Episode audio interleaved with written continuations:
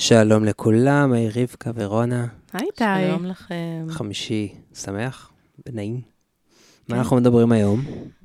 היום אנחנו מדברים על יחסים סימביוטיים. אני לא יודע מה זה סימביוטים. אנחנו ביקשתי מכם שתסבירו לי קצת.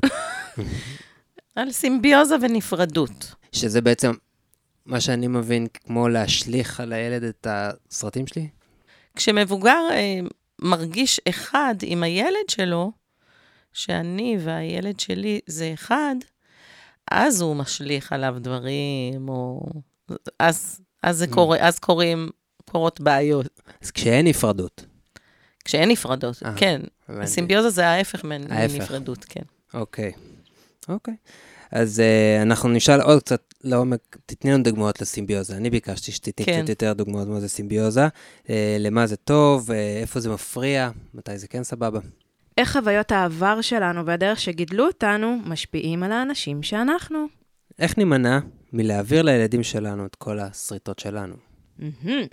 וכלים, רבקוש, לזהות מקומות שאנחנו בסימביוזה עם הילדים שלנו. מהי ההתפתחות הבריאה של הסימביוזה? איפה זה מקשה על הילד ואיפה זה עוצר את ההתפתחות שלו?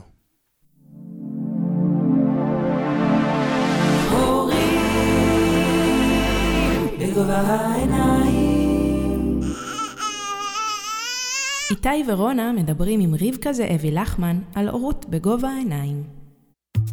טוב, אז אני אתחיל uh, בסיבה שאני ביקשתי את הפרק. כמה התרגלנו כבר.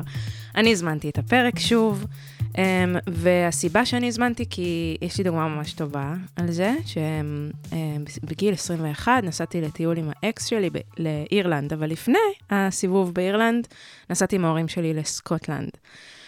ואז היה אה, שלב שבו התפצלתי מההורים שלי פעם ראשונה בחיים, והייתי אמורה לנסוע לבד. פעם ראשונה בחיים שהיית בלי ההורים פעם שלך? ראשונה בחיים שהייתי בלי ההורים שהי- שלי. שנ- בחיי הבוגרים. שנסעת לחו"ל. כאילו שנסעתי טיול לחו"ל. וזה, אה, כן. כן. בטיול. כן. ו... והגיע הרגע שבו אה, התכוונתי לעלות לפרי, ואימא שלי, כפרה עליה, באמת לב טהור ואישה מופלאה, התחילה לבכות, וואו, וואו, וואו, ממש בכי כזה אמיתי מכל הלב, עם פחד. והיא אמרה לי, את תסתדרי? עכשיו, באותו רגע, כמובן בגיל הזה עוד לא הייתי ככה מפותחת, Mhm. ואני זוכרת את הנסיעה הזאת על הפרי, חיבקתי את התיק שלי, רעדתי ובכיתי ולא זזתי מהספוט שלי. ואז ירדתי מהמעבורת, והיה יום שלם שהייתי צריכה, שככה טיילתי לבד באירלנד, בפחד תהומי, ואני זוכרת את עצמי במרכז דבלין, הולכת כזה מפאב לפאב כזה, ואומרת, אוקיי, תהיי רגע ברגע. ואני זוכרת שישבתי שם, שתיתי גינס עם עצמי, ואמרתי, אוקיי, זה לא כזה נורא, אבל אני זוכרת את התחושה הזאת, ש...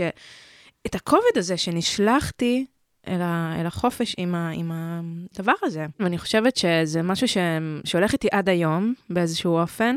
אמ, אני כמובן מודעת לזה שאני כבר מסוגלת, אבל עדיין זה משהו שיושב עליי. זה, אמנם אה, אני יכולה להגיד שאני כבר מודעת ליכולות שלי ולמסוגלות שלי, אבל זה תמיד תמיד נוכח שם. עכשיו, בסיטואציה של היום, אני חושב שגם את שומעת ב- ב- בכל משפט את המקום הזה. זאת אומרת, גם אם היא מתעניינת, אם היא צריכה עזרה, פשוט. אני נגיד לא נמצא בזה, אז היא רוצה Mhm. להציע עזרה.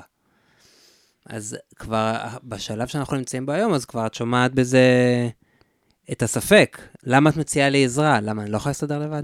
כן, כן, זה כבר... עכשיו, יכול להיות שהיא באה באמת רק ב- בנתינה, כן. אבל היא סוח... רונה גם סוחבת איתה דברים. כן, אני חושבת שזה איפשהו משולב. אה, ככה, זה כבר הפך להיות חיה משל עצמו, כזה. זה גם וגם וגם. אה, אני מאוד רגישה לזה גם, אה, במיוחד שאני באמת שנים כבר מטופלת, אז זה כאילו נושא שהוא חי בי, ואני מאוד מאוד במודעות על זה, אה, כאימא. אה, אני לא רוצה לשחזר את זה, אני רוצה לתת לה את כל הביטחון ואת כל ה... את יודעת, היא זאת היא, אני זאת אני, ובוא נלמד אחת מהשנייה ונתפתח ונעוף. את רוצה להתחיל קודם קצת לדבר על סימביוזה? מה, עוד כמו ש...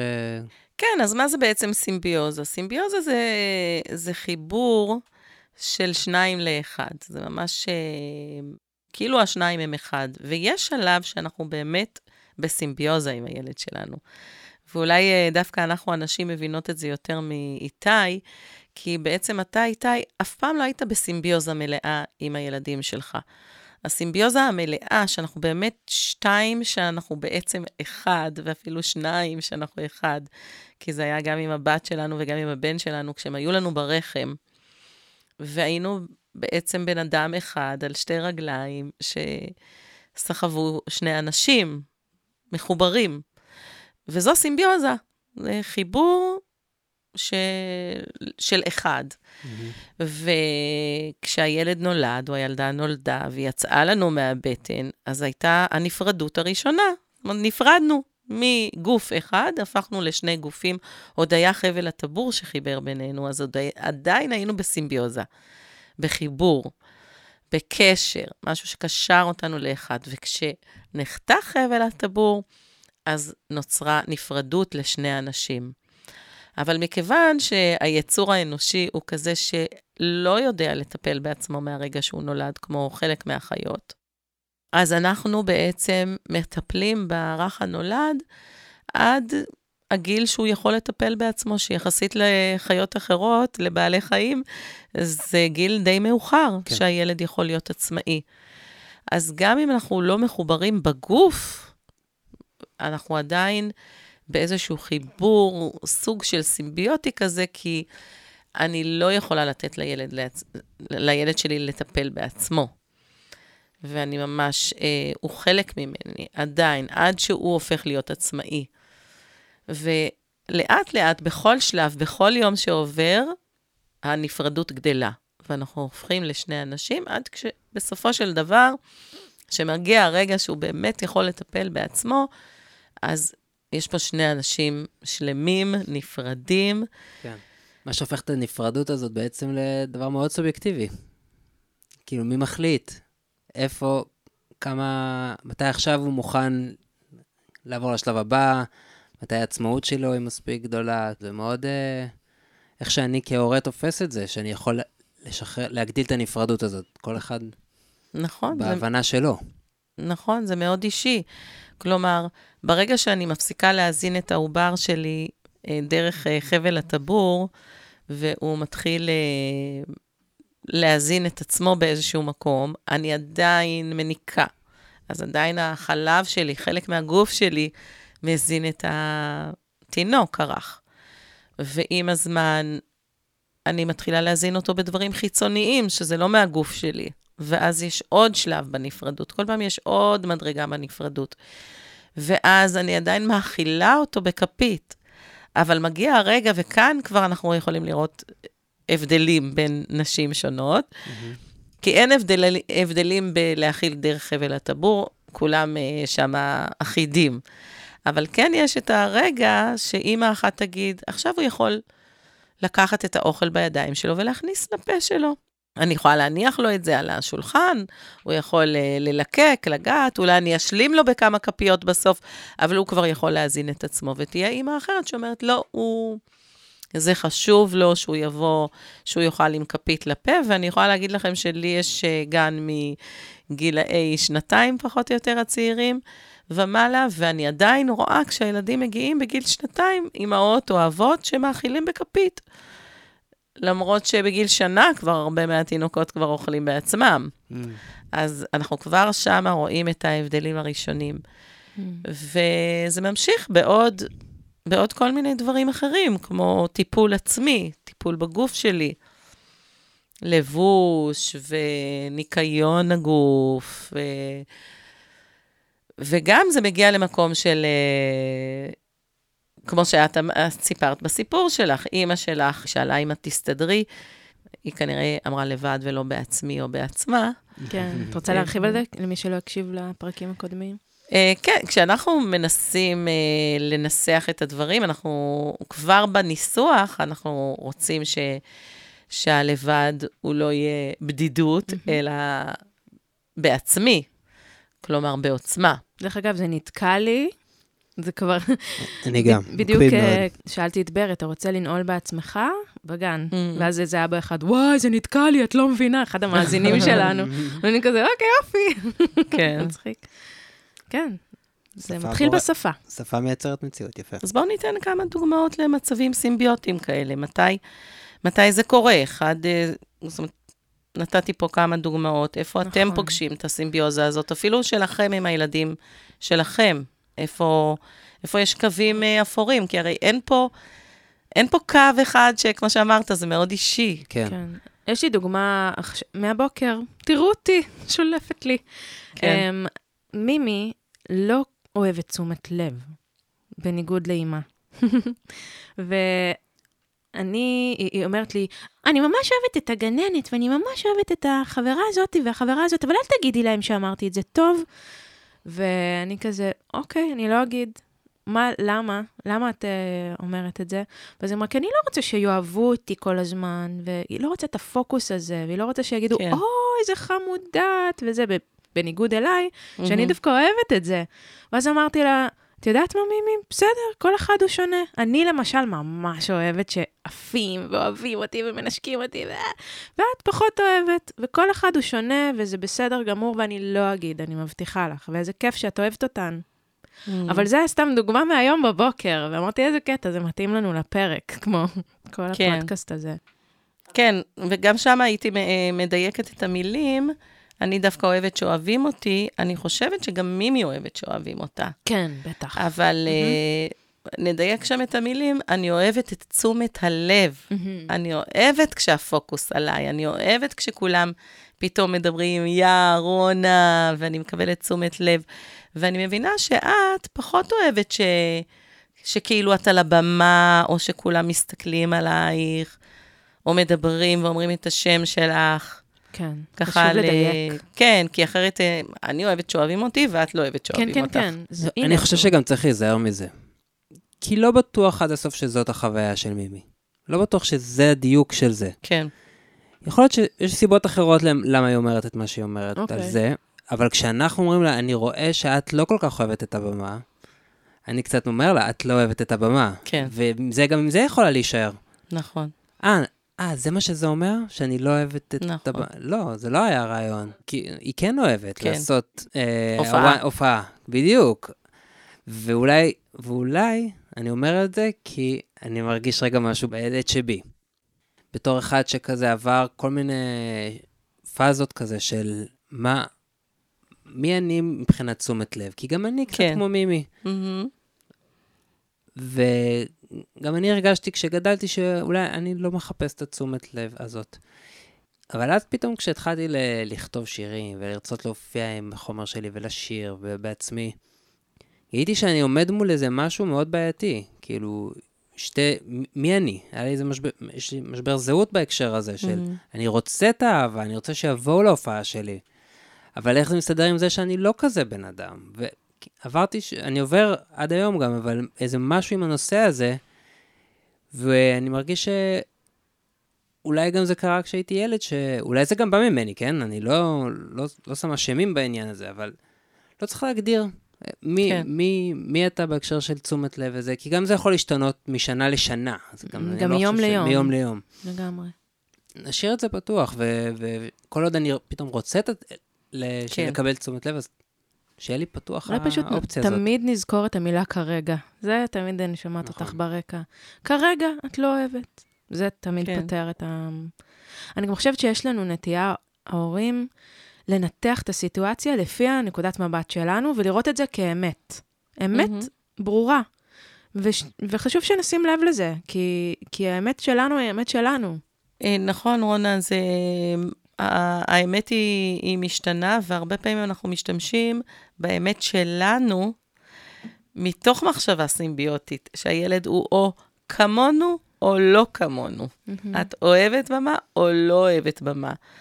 אה, את כמוני או את כמו אבא שלך. ואז אנחנו מצמידים אותה לאיזושהי דמות, וברגע שאנחנו מצמידים אותה לדמות, אנחנו מפסיקים לראות אותה. מהמם. אנחנו רואות את החיבור שלה עם אותו בן אדם שהצמדנו אליה.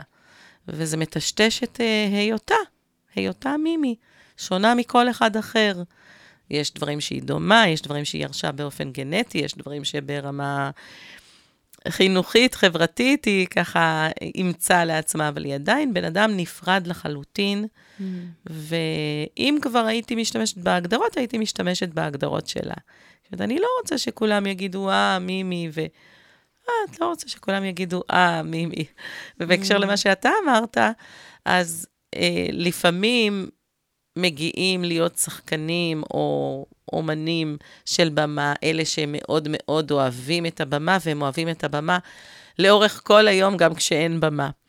ויש שחקנים או, או יוצרים שאוהבים לבחור מתי הם על הבמה ומתי לא. ואפילו דווקא ה- המשחק או ההופעה במוזיקה היא זאת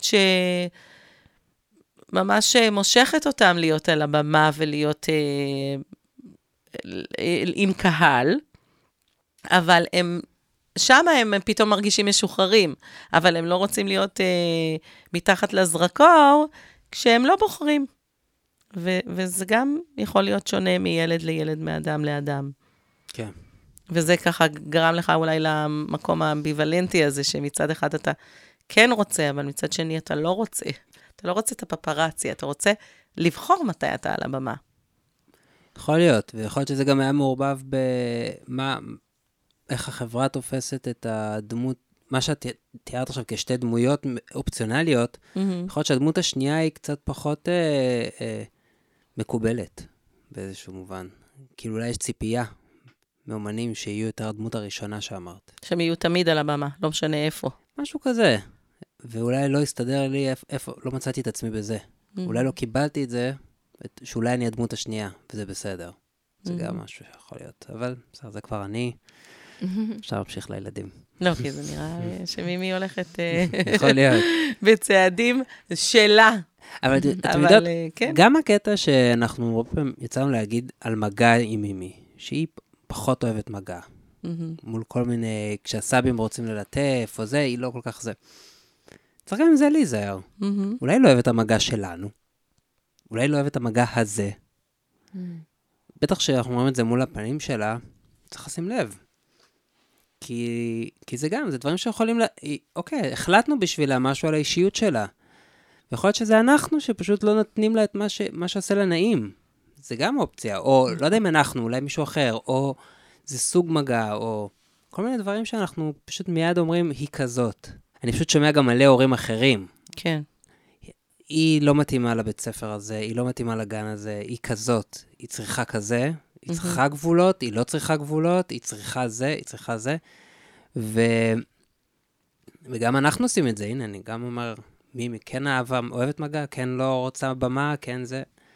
ההחלטות האלה עליהן, צריך להיזהר איתן ולהיות ערניים, ובטח שמול הפנים שלהם, כאילו, בטח מול ה... מה שאנחנו אומרים להם, מול ה... כן, אני חושבת. שאנחנו צריכים להיות ברגישות לזה, כי בסופו של דבר המילים ואיך שאנחנו מגדירים אותם, זה הולך להיות הנרטיב שלהם על עצמם כאנשים בוגרים. אז רבקוש, איך החוויות, אה, חוויות העבר שלנו והדרך שגידלו אותנו, משפיעים על האנשים שאנחנו? בהקשר הזה, של בהקשר הזה. הסימביוזה, את מתכוונת. מהמם. כן, שאם, לדוגמה, במקרה שסיפרת, אם אימא שלך שואלת אותך, את תסתדרי עם דאגה בעיניים, אז הדאגה שלה מחלחלת לתוכך, וגם אם רגע לפני כן את בחרת לטייל בעצמך, פתאום הדאגה הזאת של אימא שלך מחלחלת לתוכך, ואז שמה ספק בליבך אם את באמת תסתדרי. ואם את גדלה להיות בן אדם שמהוסס לגבי היכולת שלו להסתדר, את עלולה, בדרך זו או אחרת, לשאול את מימי. עכשיו, הרבה פעמים אנחנו מחכימים, ואנחנו אומרים, אה, אימא שלי שאלה אותי, תסתדרי, אז אני את מימי לא אשאל, תסתדרי. אבל יכול להיות שזה יבוא במקום אחר, קצת שונה, כמו... מה את אומרת, מימי? אולי כדאי לך למצוא איזה חברה טובה שככה תטייל איתך, יהיה לכם יותר כיף ביחד, יהיה יותר שמח. את לא תגידי לה, את תסתדרי, אבל את תבואי עם איזה מין כיוון חדש, שזה מאותה שריטה קטנה שהייתה שם, אבל היא קיבלה איזו צורה שונה, ואז את אומרת, אני לא, אני לא אעשה לה את מה שעשו לי. אני רק באמת חושבת שהרבה יותר כיף לטייל ביחד, לא בגלל שהיא לא מסתדרת, זה פשוט יותר fun, ואני אוהבת fun, אז אני אציע לה שתבחר חברה. וככה בצורה לא מודעת, אנחנו יכולים לשתול Mm. כל מיני רעיונות אצל הילדים שלנו. רעיונות שקשורים למסוגלות, ליכולת, לביטחון עצמי, לתחושת ערך. אם אני הולך רגע לנושא הבא של איך נימנע מלהעביר את השריטות האלה לילדים, אז אני חושב, מעניין אותי רונה, נגיד אימא שלך באותה סיטואציה, הייתה, אומר לך, הייתה אומרת לך, לא, את תסתדרי, אלא הייתה אומרת לך, תראי, האמת, אני לא יודעת אם אני הייתי מסתדרת, ואני ממש דואגת אם את תסתדרי, כי אני לא יודעת אם הייתי מסתדרת. אז אני משער שהמחשבה שלך והצורת חשיבה הייתה משתנה. אם היא הייתה קודם כל מזהה את זה שזה שלה. את זוכרת שבגן שעשועים, אז דיברנו על העניין של הגובה, שמימי עולה נורא גבוה, ולך, אותך זה עושה לך חרדה, זה ממש מפריע לך, ולי זה לא. אז את אמרת, תראי, אני, זה מאוד קשה לי אה, לראות אותך כל כך גבוהה, זה מלחיץ אותי, את אבא זה לא. עכשיו, כשאת איתי, ככה, תהיי ככה וככה, למה? כי אני נלחצת. את לא שמה את זה עליה בכלל. מהמם. אז אני קפצתי רגע למה שאני רואה כפתרון בסיפור הזה, של להצביע על זה שזה שלך. כן. עדיין לא ענינו על איך לזהות את הסיטואציה כשאתה עושה את זה. זאת אומרת, איך אני יודע באותו רגע להגיד, זה שלי ולא שלו. כי זה לא כזה קל באותו רגע, אתה עובד מאינסטינקטים, אתה עובד מתוך אינטואיציה. נכון. אז להגיד את זה בצורה מאוד מאוד אה, ברורה, זה כבר עוזר, אבל עצם זה שאימא שלי לא הייתה מסתדרת, זה גם יוצר בי ספק. כלומר, להבין שזה לא ממקום של סימביוזה, אלא ממקום של אלה האנשים שמהווים דוגמה אישית עבורי. אז אם אימא שלי לא מספיק אה, אמיצה בשביל להסתדר בעצמה, אז אולי באמת העולם מפחיד. אז את מבחינתך, הפתרון הוא לעבוד על עצמך כבן אדם. תמיד. בסדר. תמיד. אבל עם זאת, אבל כן, עם זאת זה עדיף. זה עדיף. זה עדיף משמעית. לבוא עם הפחד שלי. אני כמו- ש... נכון. כמו שאת עושה בגן שעשועים, שאת אומרת, כן. אני מפחדת לראות אותך גבוהה, אבל אבא לא מפחד. כן. וברגע שאת אומרת, אני מפחדת, אבל אבא לא מפחד, אז היא מבינה שהפחד הוא לא אבסולוטי. אבסולוטי, כן, הוא לא כי באמת זה מסוכן, אלא כי כל אחד מפרש אותו אחרת. ואם, ואם את יודעת להגיד שאבא בטוח, אז את גם אומרת, זאת כנראה אני הבעיה ולא, ולא הגובה. אני חייבת להגיד שביום הולדת שלי, שהיה לא מזמן, כן. אמ, הצענו אבא, אימא שלי, איתי ואני, וישבנו במסעדה. לפני הבלאגן עם הבית חולים. לפני הבלאגן עם כן. הברי ששבר את הזרת, כל מי כן. שעוקב אחרינו יודע. כן. אז לפני, אמ, ישבנו והייתה שיחה, פשוט רבקה, מרגשת, כי פתאום ככה, היה לנו זמן כזה לדבר. בין היתר, שאלתי אותן אה, שאלות ממש אישיות, ואיך אה, הזיכרון הראשון שלך ממני כתינוקת, ו- וכל מיני שאלות ממש ממש מרגשות. ובין היתר דיברנו על זה, על כן. הקטע הספציפי הזה, של המעבורת, ו- Mm. וסיפרתי לה שבאמת זה היה רגע מאוד מאוד משמעותי בחיים שלי, ששם פתאום ככה הרגשתי את הכובד של הדאגה שלה, ו- ואיך זה הולך איתי עד היום, ו- ושם היא פתאום לקחה אחריות, היא אמרה כזה, את יודעת אבל שזה היה שלי. פעם ראשונה ששמעתי אותה אומרת את זה, Mm. וזה היה באמת רגע, מה זה מרגש, שאמרתי, כן, זה מה שהייתי צריכה. שהיא תגיד לך באותו רגע. כן, זה Mm. מה שהייתי צריכה. וגם אתמול הייתה לנו שיחה ממש, אה, יואו, אני בוכה, מזמן לא, לא בכיתי בפרק. נכון. אה, אבל אתמול הייתה לנו גם, יש לנו מין תקופה כזאת של כנות מאוד גדולה, ואני מודה על זה. ואתמול היא שאלה אותי, תגידי, מה, איזה מין אימא הייתי? דיברנו ככה על זה שיש לי תלמידה שהיא נערה, ו, ותקופת הנערות שלי הייתה כל כך שחורה וכל כך אבודה, וחור שחור, תקופה נוראית של חרם שעשו עליי, ו, ודימוי גוף בקרשים, ו, והיא שאלה אותי, איפה אני הייתי בתקופה הזאת? ואז אמרתי לה שקודם כל חוויתי המון בדידות, אה, בכל מה שקשור להתפתחות המינית שלי, שלא הרגשתי שיש לי אישה שהיא לוקחת אותי ביד ואומרת לי, תראי, עכשיו אנחנו נלך לקנות חזייה, וזה, ו- ומה זה מחזור, ומה זה פה, ומה זה שם. הרגשתי מאוד גמלונית, והלכתי כפופה. והלכתי, והתביישתי במיניות שלי. התביישתי שאני הופכת להיות אישה, מה, זה לא בסדר? וחוויה מאוד מאוד uh, בודדה. Mm. אמ, ועוד משהו שאמרתי לה, שבתקופה של החרם, בוא נגיד שכיתה ו' הייתי הכי מקובלת ברמת המלכה, ובכיתה ז' כעבור חודשיים הייתי בשפל, הייתי הכי לא מקובלת, במרווח של חודשיים, שזה הזיה. בבית ספר אחר? בבית ספר אחר, אבל עם אותם אנשים, פשוט התערבבנו כזה בקיבוץ, וכל הקיבוצים התערבבו. והחוויה הזאת הייתה מאוד מאוד ש... נוראית, כאילו מין מציאות אחרת. ואני זוכרת אותה ממש במין פרצוף דואג כזה של איפה, איפה נוני שלי שהייתה, איפה הילדה השמחה שלי, איפה היא? והיא עשתה הכל מהלב, היא דאגה לי, והיא באמת רצתה שיהיה לי טוב, אבל הדאגה הזאתי, זה היה לי מאוד קשה. בגלל זה יש לי איזה, איזה עניין עם הרגש הזה של הדאגה. כל פעם שאני מרגישה שדואגים לי, אני מרגישה שזה בא עם זה שלא מאמינים בי, שאני מסוגלת. ו... ואשכרה אמרתי לה את זה, וזה היה פשוט רגע קסום, שאיתה ישן שנץ, הילדים היו בזה, פשוט דיברנו, וזה, וזה בדיוק מה שהייתי צריכה, רבקוש. בדיעבד, כן. אני אגיד. אחרי זה דיברנו על uh, כמה, הרבה פעמים ההורים חושבים, כאילו, אני משער שגם אנחנו, כשנהיה, קצת, כשהילדים יגדלו, mm. על הקטע הזה של... Uh, כאילו להודות בטעויות, או כאילו מנסים לתקן אותם. ואנחנו, בתור ילדים, אנחנו מרגישים שזה לא העניין. אנחנו, הניסיון לתקן הורים הוא, הוא, לא, הוא, לא, הוא לא עצם העניין, ההכרה במה שהרגשת, או במה שקרה בסיטואציה, זה מה שגורם לנו להמשיך רגע הלאה, להמשיך mm. קדימה. אמ, אז אם עכשיו מכירים ב, בזה ש... אפילו בסיטואציה הזאת, או בזה, תבואו לילדים שלכם ויגידו, זה עניין שלי. כן. ואני, ו, ויכול להיות שעשיתי באותו רגע משהו מסוים, וזה פגע בכם, וזה זה עניין שלי, אני מכיר במה שהרגשתם. כן. אני לא יודע אם הייתי יכול לעשות את זה אחרת. זה לא אני באותו רגע, אני הייתי מי שאני. אבל אני גם מבין שהיה לזה השלכות, ואני מבין שזה היה שלי. ויש לזה אימפקט יותר חזק מלבוא ולנסות להגיד, כן, אז פעם באה תעשה... לא, לא צריך, לא צריך לדבר על פעם באה. אני מכיר בזה כן. שמה שעשיתי פגע בך, או לא, לא עשה לך נעים, או השפיע לך לאורך הדרך. כן. זה, זה משמעותי כן. בטירוף. אני ממש זוכרת לפני כמה חודשים, אה, שכבתי באמבטיה עם עצמי, ואמרתי לעצמי, לסבתא שלי ולסבתא רבא שלי, בראש, הייתה לי שיחה איתן, עשינו מועצת האנשים, ואמרתי להן, אהובות שלי, אני אוהבת אתכן, תודה על כל הגנים, אבל אני אשמח לא להמשיך הלאה עם כל הדימוי גוף, וה... ואני משחררת את זה מכן, ואני משחררת את זה מעצמי, ממש, זה היה דייט מה זה חשוב עם עצמי. Mm-hmm.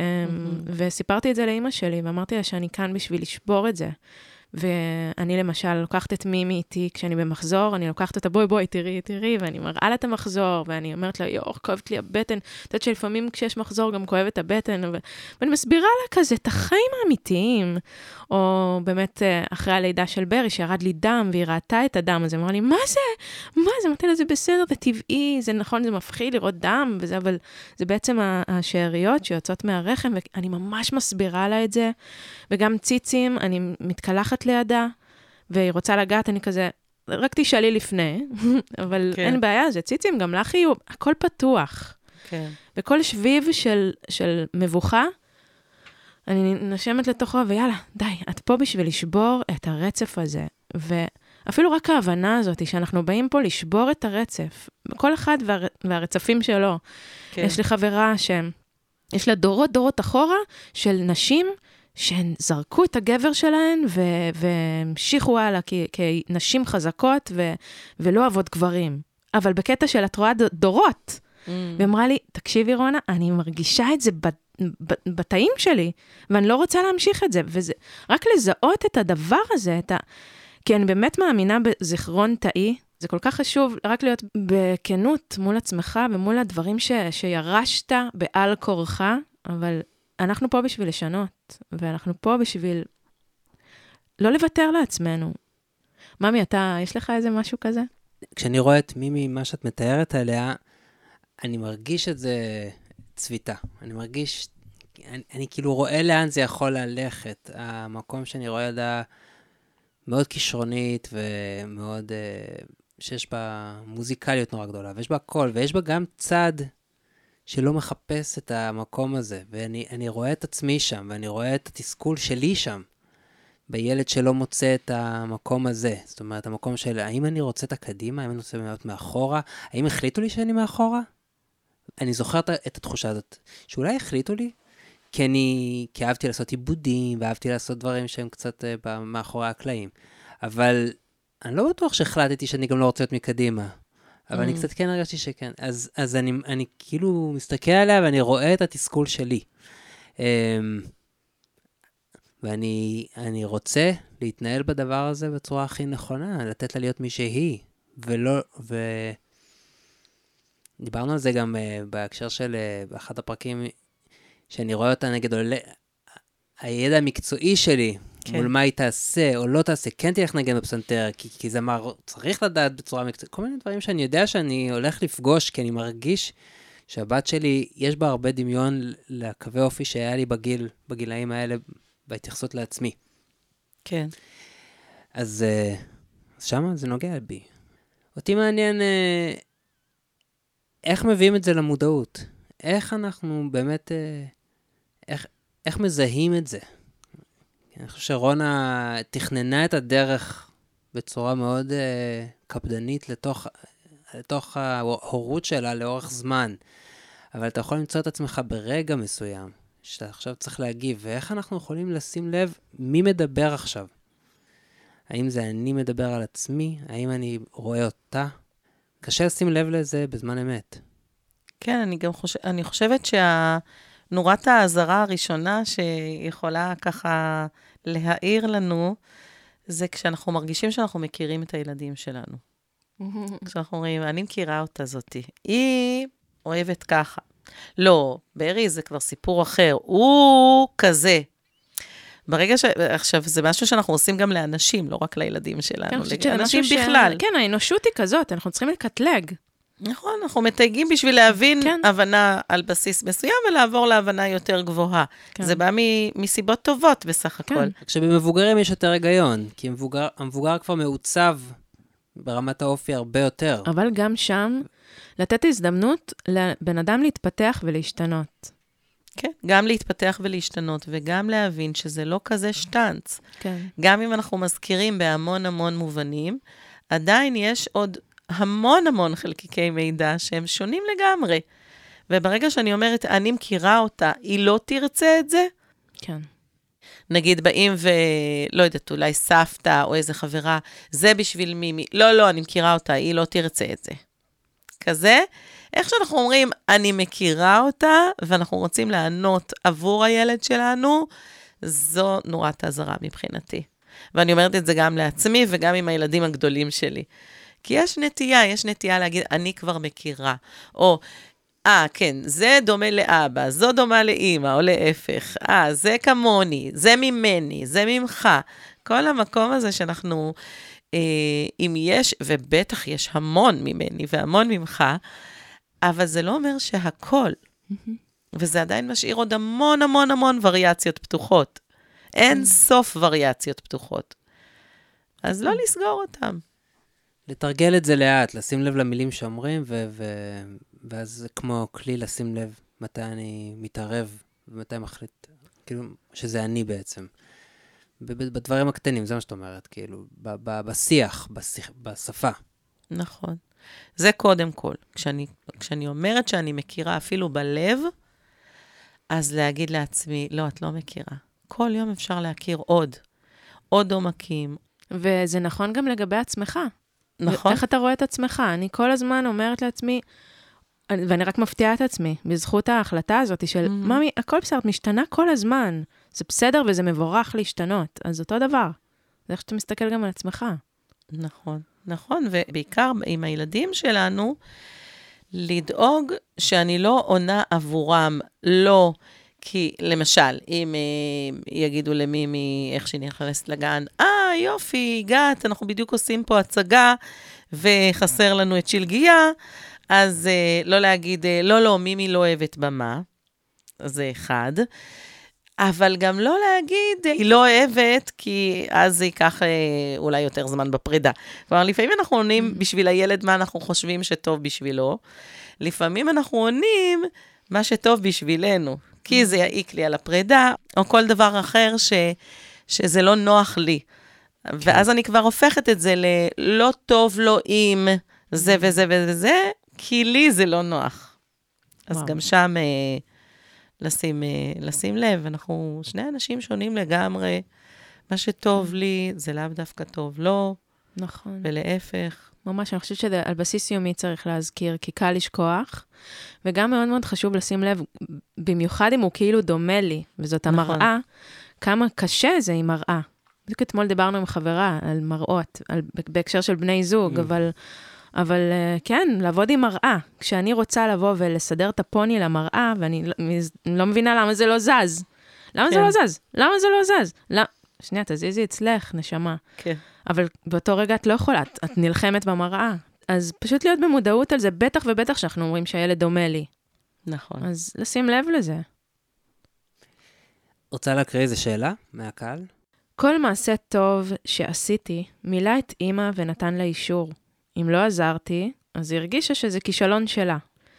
אני מאוד רוצה להרגיש פחות תלות בהתנהגות שלהם לאישור שלי, אבל ממש רואה איך גם אצלי ההתנהגות שלהם מגדירה אותי בעיני עצמי. כי זה דבר עמוק שספגתי בבית. אצל בעלי אין את זה, אם הילדים אה, לא עוזרים, הוא לא ייקח את זה עליו. השאלה שלי, מה יעזור לי לעשות את ההפרדה הזאת? כן, זאת שאלה מאוד טובה ו... ומבלבלת, כי אנחנו רוצים כל הזמן להרגיש טוב עם עצמנו. ויש כל מיני דברים במציאות שמשקפים לנו אם אנחנו יכולים להרגיש טוב עם עצמנו או לא. וגם ההורות זה אחד המבחנים. האם אני צולחת את זה? האם יוצאים לי ילדים שאני גאה בהם, שנעים לי שהעולם יראה אותם? או האם יוצאים ילדים, או מתנהגים הילדים שלי באופן שהוא מעורר בי בושה, או חוסר נוחות. ואז אני לוקחת את זה על עצמי, אני שוכחת שהם נפרדים, אני שוכחת שהם uh, יצורים בפני עצמם, ואני... ההתנהגות שלהם אומרת משהו עליי, וכשאני מתנהלת ככה בעולם, אז אני ממש כורכת אותם בי. אני יוצרת סימביוזה כזאת של כל התנהגות שלך משליכה עליי, אם אני אצליח או לא אצליח במבחן, ולכן אתה צריך להיות מה שיצליח לי במבחן. ואז בעצם אנחנו שוללים להם את החופש, ואנחנו דורשים מהם שיעשו את זה עבורנו. כן. ו- וזו סימביוזה. אז איך אני יודעת את זה? ברגע שאני, שיש לי איזשהו רצון אישי מהם, ולא מחשבה על טובתם, אז אני מבינה שאני הפכתי אותם לאחד איתי. הרבה פעמים מוצאת את עצמי יותר מדי מזדהה עם הקשיים והפרעות קשב וריכוז של הילד שלי. פשוט פוגשת את עצמי בצמתים הללו עד שהגענו להדרכת הורים, הילדון מטופל בטיפול באמנות, ובעזרת התרפיסטית מצליחה להפריד בינינו. זה קשה לי מאוד, כי כל פעם שאני רואה את הקושי שלו, אני ישר מרחמת ונזכרת בילדה שהייתי, שלא בהכרח היו כלים נכונים באותה תקופה. כן, אז כשיש לנו איזשהו קושי, אחד זה הפרעת קשב, וראיתי בשאלות גם עניין של אה, דימוי גוף, או קושי חברתי, או כל הקשיים שאנחנו חווינו, קושי עם לימודים, כשאנחנו באים עם הילד שלנו, כאילו יש לנו איזשהו ניסיון קודם, אנחנו פוגעים בנפרדות שלו. כי עם כל זה שיש לו את הגנים ואת החינוך, ויש לו חיים חדשים, והם יכולים ללכת למקום חדש לגמרי. לא נקל עליו בגלל שאני זוכרת שהיה לי קשה. לא נשנה דברים בתמונה שלו כדי שלא יקרה לו את מה שקרה. בוא ניתן לו רגע לחיות. ניתן לו לעבור את המבחנים שלו. וכשיעלה צורך, אז נעזור לו. לא נעזור לו מראש, כי אני יודעת שאני צריכה איתי עזרה. כן. ואלה המקומות, כשאני באה כבר עם, ה... עם הצלקת שלי, ככה חשופה, וכבר מחפשת תשובה עוד לפני שעלה הצורך מהילד, זה מקום שאני פוגעת בנפרדות. ואני כן. פועלת מתוך הסימביוזה הזאת, שהיא לא לטובתו. כן, אני חושבת שזה מצריך הרבה מצריך היכרות עצמית עמוקה מאוד, להבין גם איפה הטריגרים, איפה הצלקות, ולהיות בקשב לזה, להיות אחראי, כן. אני ממש חושב שגם- לקחת אחריות. גם אם אתה לא יכול לעבוד על זה בצורה שאתה רוצה, זאת אומרת, אם אותה אחת שכתבה לך מרגישה שזה, שזה קורה לה, זאת אומרת שהיא לא מצליחה לעשות את הנפרדות הזאת, היא לא מצליחה ליישם את זה, אז זה מחזיר אותי למה שדיברנו בהתחלה, שעדיף אז לדבר על זה. נכון. אז, אז, אז, אז בואו נפתח את זה. אם, אם את מרגישה שזה יושב לכם ביחסים ואת רואה שאת נופלת בזה, ואת לא יודעת איך... להתמ- כי נורא קשה להגיד לבן אדם, פש- בוא נהיה מודעים. אם הייתי מודע, לא הייתי עושה את זה. כן. כן. זו התשובה שבא לי להגיד. אם הייתי נכון. מודע לזה, ברור שהייתי יוצר את עצמי באותו רגע, אבל באותו רגע אני לא מודע לזה. אז אם כשאתה לא בסיטואציה המורכבת, אתה יודע שקשה לך להתמודד עם זה, אז תפתח את זה לשיחה בזמן רגוע יותר, ו... ובוא נדבר על, על האישו שיש לך. ואז לפחות, אה, הילד או הילדה ידעו מול מה, מה, מה קורה, הם ידעו שיש לך עניין עם זה. ונכון, את אמרת, זה יכול להשפיע עליהם גם. זאת אומרת, ברגע שהם נכון. ידעו שאמא היא, יש לה עכשיו בעיית עם, אה, עם משקל, עם דימוי גוף, אז, אז היא גם אולי תשאל את עצמה שאלות על, על אז נכון, אולי, אולי אני גם צריכה לשים לב למשקל. יכול להיות שזה יקרה גם, אבל, אבל יכול להיות שגם היא תיקח דוגמה ממקום אחר, ואולי גם אם המסר יעבור שזה אימא מרגישה את זה בעולם, אז אולי היא לא תיקח את זה אליה. נכון. היא פשוט לא, היא לא תחשוב שזאת המציאות, שכולם צריכים לשים לב למשקל, אלא אימא חושבת ככה, כי אימא זה, וגם אימא אומרת שזה לא סבבה. נכון. ואם תיקח את זה למקום שלך, כן. עם העניין של המוזיקה, שזה גם נשאר לי ככה חזק, שמה שאמרת על מימי באותה פגישה, שאתה יודע שאם היא זמרת, היא תצטרך לעבור דרך כל מיני דברים, אז גם פה אתה תגיד, מימי, את יודעת שאני בתור מוזיקאי, התקשיתי בכל מיני כאלה ואחרים, ואתה יכול לספר למה. ואני הבנתי שאם מישהו אה, רוצה להיות זמר, אז, הוא, אז כדאי שהוא ידע לנגן איזה כלי, כי נתקלתי בחברים, חברות וככה והלאה. ולפעמים אני חושב שאולי כדאי גם לך, אבל אני יודע שזה ממש לא רעיון טוב שאני אתערב אצלך, ושאת יודעת מה הכי טוב לך, ואני סומך עלייך. אז גם אם אני לפעמים לא מתאפק ואני אומר, תדעי שמה שאני באמת חושב, זה שאני סומך עלייך. ובזה כן. שפתחת את זה כבר, אז זה גם עוזר לך להגיד, אמרתי, העברתי אליה, ועכשיו זאת בחירה שלה. ואני לא כל הזמן צריך להיות שם במודעות להציל אותה ממה שאני חושב שצריך להציל זה אותה. נכון, זה ממש טיפולי לשני הכיוונים. כי אני חושב שלהגיד דבר כזה, זה גם משחרר אותה ממשהו, וזה גם משחרר אותי ממשהו. נכון. כן. זה ספציפית מה שאמרת, אני מרגיש שאולי, אני יודע, אני, התשובה האינטואיטיבית שזה להגיד שזו שיחה שאני מרגיש שעוד יכול, היא עוד תחכה קצת, אני אדבר על זה, אבל כי עוד לא הגענו לאיזה צומת, כן. שזה הפך להיות כזה אישו, אבל אני מרגיש שזה כן יגיע.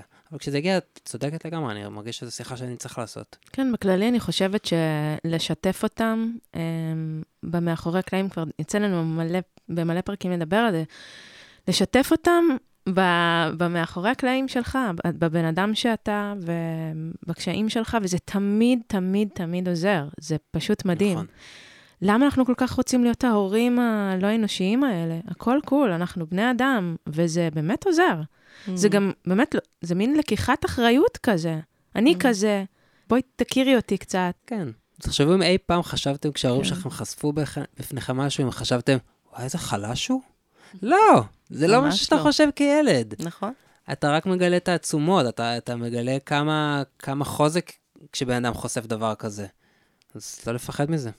כן, והמקרה שגם כן עלה כמה פעמים אצלך בסיפור שלך, על זה שאתה לא היית שלם עד הסוף עם זה שההורים שלך לא ישבו עליך, נגיד, בלהתאמן. מהמם.